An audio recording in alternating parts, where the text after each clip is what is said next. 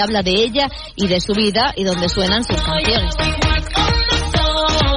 Son ya las 7 y 20 minutos de la mañana, las 6 y 20 en Canarias. Cadena Ser Catalunya. Allà on vagis, Ser Catalunya t'acompanya. Escolta Ser Catalunya en directe des de qualsevol lloc Som a la barra de bar amb la Núria Casas. amb l'aplicació de la cadena Ser. Som a tot arreu. Som al teu costat. Descarrega't l'app de la SER, cadena SER, i busca Ser Catalunya. Ser Catalunya. Arroba Ser Catalunya. Al perfil de Ser Catalunya trobaràs tot el que passa davant i darrere els micròfons. Posa cara a la ràdio i no et perdis res. Segueix Ser Catalunya a Instagram. Arroba Ser Catalunya. Ser Catalunya. La força de la conversa.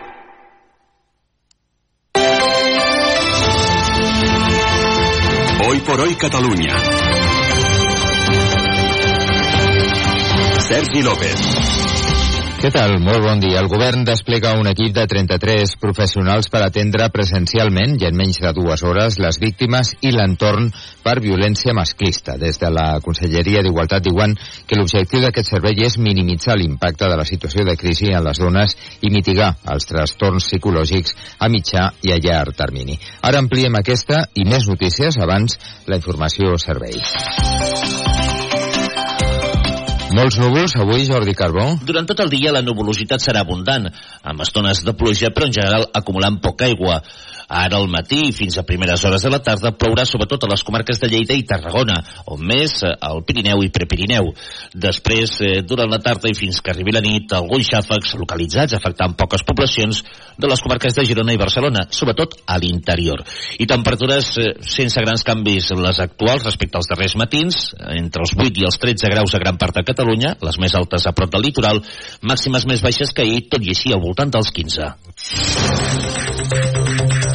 Anem ara al RAC. Com està el trànsit? Alex Huguet, bon dia. Molt bon dia, com cada divendres. De moment l'hora punta comença sense massa aturades a la xarxa viària, però sí que hi ha força densitat als trams habituals, com l'enllaç de l'A2 i la P23 a Sant Joan d'Espí, l'AP7 al Papiol, en sentit sud o algunes cues a les rondes. Destaquem dos quilòmetres a la litoral, en sentit Llobregat, als trams del Fòrum i la Diagonal Mar, i a la ronda de dalt comença a omplir-se força des del nus de la Trinitat i Roquetes. Recordar també un parell de punts més lluny de Barcelona. A la P7 es treballa per retirar un vehicle des d'aquesta matinada que només fa que hi hagi un carril obert a Montroig del Camp en sentit nord i a la C25 es dona un pas alternatiu al tram de Muntanyola en els dos sentits per unes obres. És tot des del RAC. Bon dia.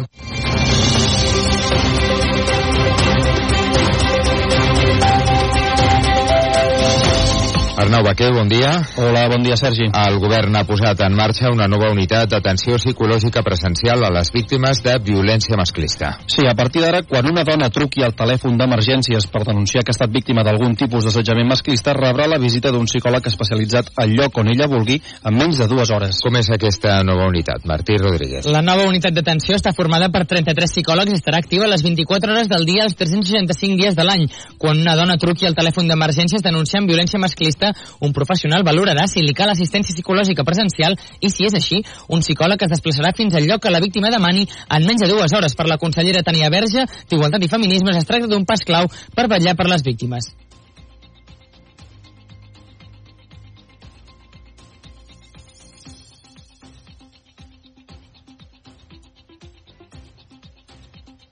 Verge ha precisat que el nou servei atendrà també a dones que denunciïn un assetjament que hagi passat temps enrere. Hoy por hoy Catalunya. Continuem amb més notícies. Junts i el govern continuen entre retrets les converses pels pressupostos catalans. Les dues parts tornaran a trobar-se la setmana que ve després d'haver mantingut una reunió de només 20 minuts amb poques expectatives d'assolir un acord. De moment mantenen una discrepància frontal sobre l'eliminació de l'impost de successions. Aquesta és una de les principals mesures que reclama Junts pel seu suport, una tradicional línia vermella d'esquerra si bé els republicans veuen marge d'acord entre d'altres mesures. Ara bé, cap de les dues parts creu que l'altre tingui ganes reals d'un possible pacte. Junts creu que el govern ja fa dies que de fet ha triat pactar els pressupostos amb el PSC. Mònica Sales és la portaveu. Que el govern no pot caure en un intercanvi de cromos naïf entre Esquerra i els socialistes, com s'intueix des de fa setmanes, pels pressupostos de la Generalitat i de l'Estat espanyol. El govern, en canvi, acusa Junts de no posar traves des del primer moment per avançar la negociació i de no tenir voluntat d'acord. Us expliquem ara que uns hackers han robat dades personals d'agents dels Mossos d'Esquadra d'un servidor de correu electrònic corporatiu. Segons s'ha explicat la policia catalana, que ja ha obert una investigació de moment, calculen que hi ha una setantena d'agents afectats. Pol Valero. La policia afirma que la filtració s'ha produït en un àmbit molt restringit del ciberespai. En concret, els lladres informàtics han aconseguit robar d'una bústia virtual un document que contenia les dades dels policies. Els agents afectats ja han estat informats de la situació, que també s'ha posat en coneixement de l'Agència de Protecció de Dades. Els Mossos han bloquejat la bústia afectada i reiniciaran diverses altres bústies amb noves contrasenyes. La policia afirma que estan treballant en coordinació amb l'Agència Catalana de Ciberseguretat per neutralitzar possibles amenaces. La prefectura ha convocat una reunió extraordinària amb els sindicats per explicar la incidència i les mesures que s'han pres. El govern invertirà un milió i mig d'euros per ensenyar català al personal sanitari. La idea és arribar a 2.700 professionals que, si volen accedir a un contracte permanent a Catalunya, hauran d'acreditar com a mínim el seu. El conseller Balcells admet que la situació del català a l'àmbit sanitari no és bona. Aquesta setmana, una enquesta del Col·legi de Metges constatava que només la meitat dels facultatius parla amb els pacients en català i és per això que deia han ofert eh, cursos virtuals gratuïts i en horari laboral per tal de que els sanitaris doncs, es formin. Formem, donem eines i després anirem exigint i vigilant i ho farem i ho farem però primer hem de sentar les bases perquè tothom pugui conèixer bé la llengua Balcells insistia que el sistema de salut necessita i dona la benvinguda a tots els professionals de fora de Catalunya que vulguin treballar aquí i recorda que per aconseguir una plaça estable cal acreditar com a mínim un seu. L'exèrcit ha sancionat un sergent i un caporal de la caserna del Bruc de Barcelona que van sortejar els serveis d'una prostituta entre els seus companys. Segons el diari Ara, han estat castigats a un arrest d'entre 15 i 30 dies. Sí, els dos militars van organitzar el sorteig entre una setantena de companys i cobraven 25 euros per cada butlleta per recaptar diners per les celebracions de la Puríssima entre els membres de la caserna. 13 mesos després de conèixer els fets, l'expedient sancionador s'ha tancat amb aquest càstig per dur a terme actes contraris a la dignitat militar susceptibles de produir descrèdit o menyspreu a les Forces Armades. La Policia Nacional de la seva banda ha detingut a Saragossa el presumpte autor de la mort violenta d'un home a Cambrils dilluns passat. La víctima va aparèixer ferida en un camí rural i malgrat els esforços dels serveis d'emergència no va ser possible salvar-li la vida.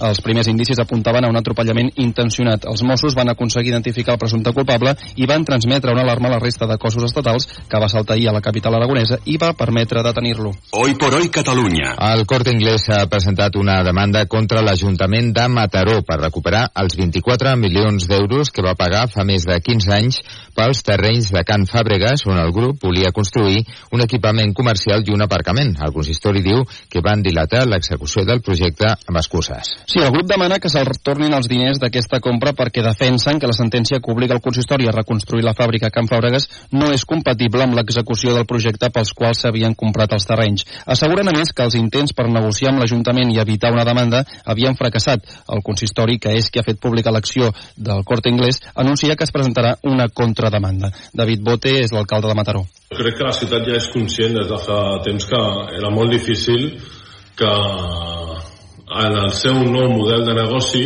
doncs torn, apostessin per fer un nou centre comercial. Malgrat tècnicament és possible. Els metres quadrats hi caben. L'executiu acusa el grup d'haver dilatat amb excuses la construcció del centre comercial i sosté que hauria pogut començar les obres el 2012 perquè recalca que la construcció de la fàbrica afecta menys del 5% de la superfície solar.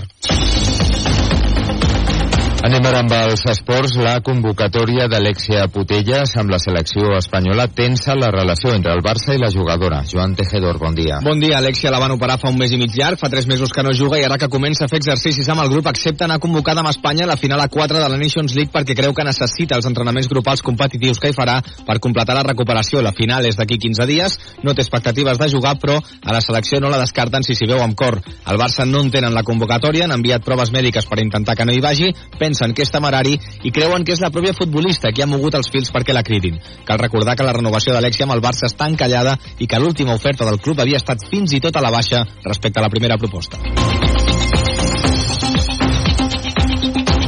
Ens apropem a dos quarts de vuit del matí, 20 minuts i més notícies de Catalunya. Continua l'Oi por Hoy.